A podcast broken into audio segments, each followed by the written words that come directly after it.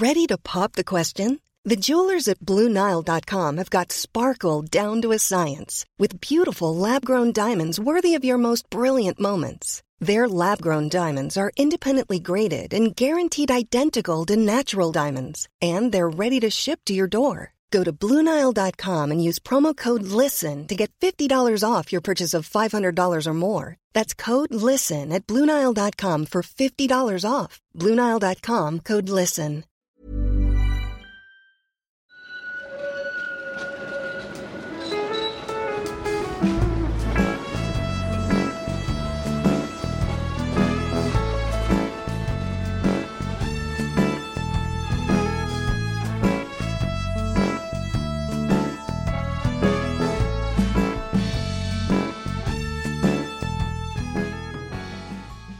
Hej och välkomna till Gator och torg i Göteborg, en podcast om platser i Göteborg. Jag heter Malin Fricke och är programledare i podden idag igen. Med mig som vanligt har jag gymnasieläraren och Göteborgskännaren Mattias Axelsson. Hej! Hej Malin! Förra avsnittet så vandrade du och jag längs Västra Hamngatan och eh, pratade om hur det såg ut där förr och idag. Eh, vi gjorde ett snabbt stopp vid domkyrkan och sa att vi skulle återkomma dit i ett Patreon-exklusivt avsnitt. Och det är precis det vi ska göra idag. Vi har hittat oss en liten sittplats här i närheten av domkyrkan och eh, då kör vi igång helt enkelt. Ja, vi eh, tar väl oss runt domkyrkan, eller egentligen historiskt, från domkyrkans första stenar fram tills idag. Och ni som inte är månadsgivare på patreon.com snakot blir det nu? Snedstreck gator och torg i Göteborg. Blir det nu så kommer ni få lyssna på hela avsnittet. Ni får hänga med en liten stund eh, i historien men ganska snart så kommer ni inte att få vara med längre eh, i avsnittet i alla fall. Så bli månadsgivare om ni vill lyssna på hela avsnittet om domkyrkans historia.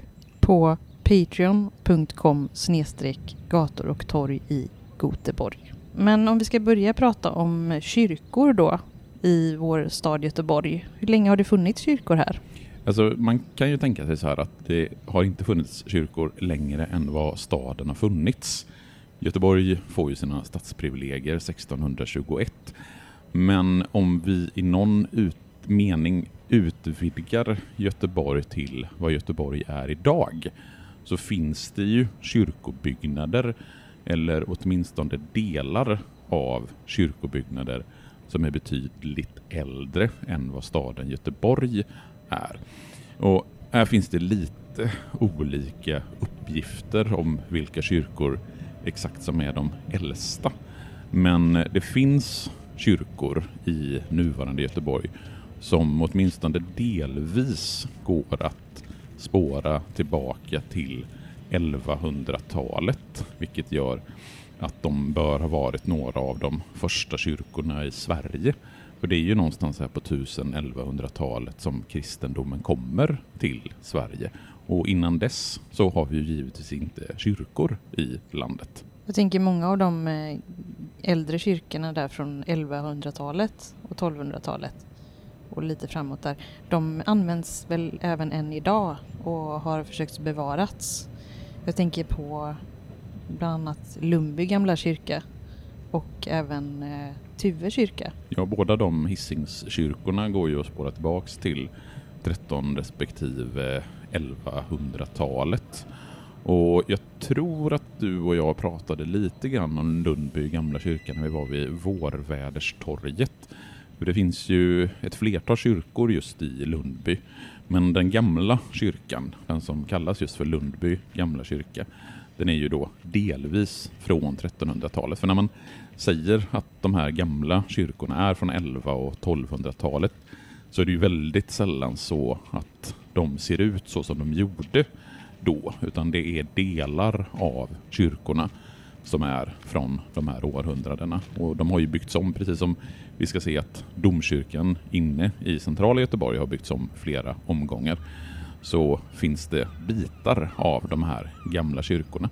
Men ska man säga hur länge det har funnits kyrkor i Göteborg så skulle man å ena sidan kunna säga att det är från ungefär när Göteborg grundas och andra är... 1621. Yes. Och sträcker vi oss liksom till det som är Göteborg idag så kan vi räkna det tillbaks faktiskt till 1100, 1100-talet. Mother's Day is around the corner. Find the perfect gift for the mom in your life with a stunning piece of jewelry from Blue Nile. From timeless pearls to dazzling gemstones, Blue Nile has something she'll adore. Need it fast? Most items can ship overnight. Plus, enjoy guaranteed free shipping and returns. Don't miss our special Mother's Day deals. Save big on the season's most beautiful trends. For a limited time, get up to 50% off by going to BlueNile.com. That's BlueNile.com.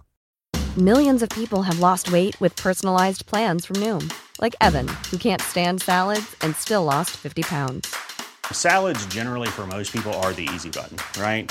For me, that wasn't an option. I never really was a salad guy. That's just not who I am. But Noom worked for me. Get your personalized plan today at Noom.com. Real Noom user compensated to provide their story. In four weeks, the typical Noom user can expect to lose one to two pounds per week. Individual results may vary. Om vi återgår till domkyrkan då, hur gammal är den? Alltså den domkyrkan som står här idag och som vi tittar upp på när vi sitter där på bänken, den är ju från 1800-talet. För precis som vi pratade om i avsnittet om Västra Hamngatan så har ju centrala Göteborg vid ett flertal tillfällen drabbats av stadsbränder och en domkyrka är ju inte sko eller skonas ju inte när det kommer stadsbränder utan även kyrkobyggnader brinner ner. Så den kyrkan som finns där idag den är då från 1800-talet. Men redan ett drygt år innan Göteborg får sina stadsprivilegier den 4 juni 1621 så utser kung Gustav II Adolf en kyrkoherde för de borgare som bodde i Nya Lödöse. För som vi har nämnt i några avsnitt tidigare så de människor som flyttar in i den nygrundade staden Göteborg är i mångt och mycket borgare från Nya Lödesö, alltså den staden som låg där Gamlestan idag ligger. Så redan innan staden egentligen finns så finns det en kyrkoherde. Och eftersom religionen är så oerhört mycket viktigare i Sverige på 1600-talet än vad det är idag.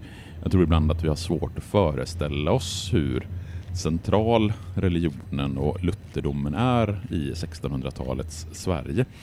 Men en av de absolut viktigaste delarna i den nygrundade staden det är att man bygger sig en kyrka för att den svenska församlingen ska kunna fira sina gudstjänster där. Och när jag säger den svenska församlingen så är det viktigt att komma ihåg att Göteborg från början har en stor befolkning som är från andra länder. Vi har tyskar, därav den tyska kyrkan.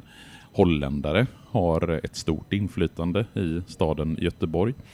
Och eftersom det är så viktigt och så brådskande att bygga den här kyrkan så har man inte tid att eh, bygga den här liksom stora stadskyrkan i sten direkt. Utan man bygger en liten provisorisk kyrka som man kallar för brädkyrkan. Och den brädkyrkan det är en av de första byggnaderna i Göteborg överhuvudtaget. Och den ligger nästan på samma plats som domkyrkan ligger idag. Fast lite mer i hörn mot eh, Kungsgatan så att den inte ska hindra byggandet av den stora stenkyrka som man tänker sig ska ersätta den gamla brädkyrkan. Men, men du säger att det var en av de första byggnaderna i staden. Var, var, hur långt ifrån den här eh, viktiga byggnaden bodde då folk? Ja, alltså successivt när Göteborg byggs så uppför man ju byggnader i de kvarteren och längs med gatorna enligt det rutnätssystem som holländarna ritar ut på kartorna när man ska bygga staden.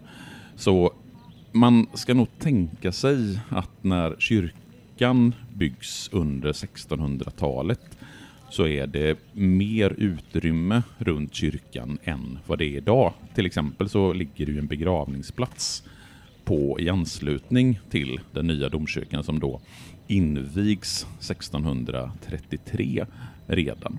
Och den här begravningsplatsen, den hade man först önskemål om att den skulle ligga mellan Stora och Lilla Otterhällan, som det hette då, Otterhällan och Kungshöjd som det heter idag.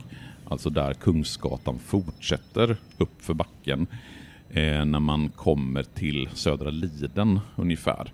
För där var det ju ekskog och det var ju en del av Göteborg som inte bebyggdes förrän långt senare. Men det som är lite intressant det är att en av orsakerna till att man inte bygger en begravningsplats, alltså en kyrkogård i Ekskogen, det är för att man tycker att det är för långt ifrån domkyrkan. Och idag så tror jag att de flesta ändå tänker att avståndet mellan Kungshöjd och domkyrkan är försumbart. Men på 1600-talet så tyckte man att nej, den här begravningsplatsen den ska ligga i anslutning till kyrkan. Så den 10 och 11 augusti så inviger man den nya kyrkan som ännu inte har blivit en domkyrka. Och kyrkan den får namnet Gustavi kyrka och det är ju då givetvis efter Gustav II Adolf som ett knappt år tidigare hade stupat vid slaget vid Lützen i november 1632. Dock så var det så att de flesta göteborgare de kallade inte kyrkan för Gustavi kyrka utan de kallade den för Svenska kyrkan för att skilja den från den tyska kyrkan, alltså Kristine kyrka som ligger längs med Stora hamnkanalen. Ja, där tar resan genom historien för domkyrkan slut för er som inte är månadsgivare på patreon.com gator och torg i Göteborg. Vill ni lyssna på hela det här avsnittet samt tidigare Patreon-exklusiva avsnitt. Det börjar finnas några stycken nu på patreon.com gator och torg i Göteborg. Så gå in där, bli månadsgivare, så får ni en personlig feed som ni kan klistra in i ert poddspelarprogram och där lyssna på de avsnitten som är exklusiva som då kommer varannan vecka. Så hörs vi igen om just en vecka. Hej då!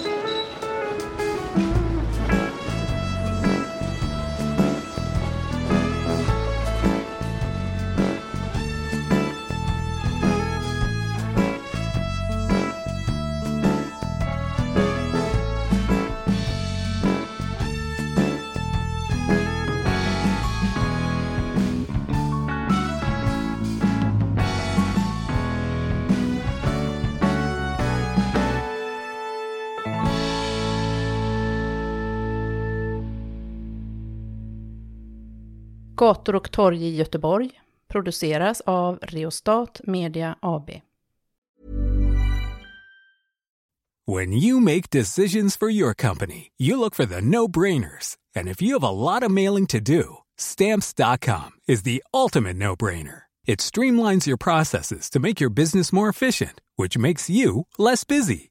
Mail checks, invoices, legal documents, and everything you need to keep your business running with stamps.com. Seamlessly connect with every major marketplace and shopping cart. Schedule package pickups and see your cheapest and fastest shipping options from different carriers. With rates up to 89% off USPS and UPS rates. And with the Stamps.com mobile app, you can take care of mailing and shipping wherever you are. Make the same no brainer decision as over 1 million other businesses with Stamps.com. Sign up with Code PROGRAM for a four week trial, plus free postage and a free digital scale. No long term commitments or contracts.